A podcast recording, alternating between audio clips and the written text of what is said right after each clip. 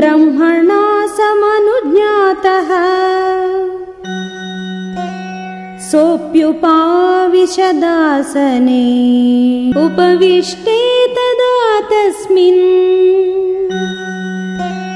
सर्वलोकपितामहे तद्गतेनैव मनसा। वाल्मीकिर्ध्यानमास्थितः।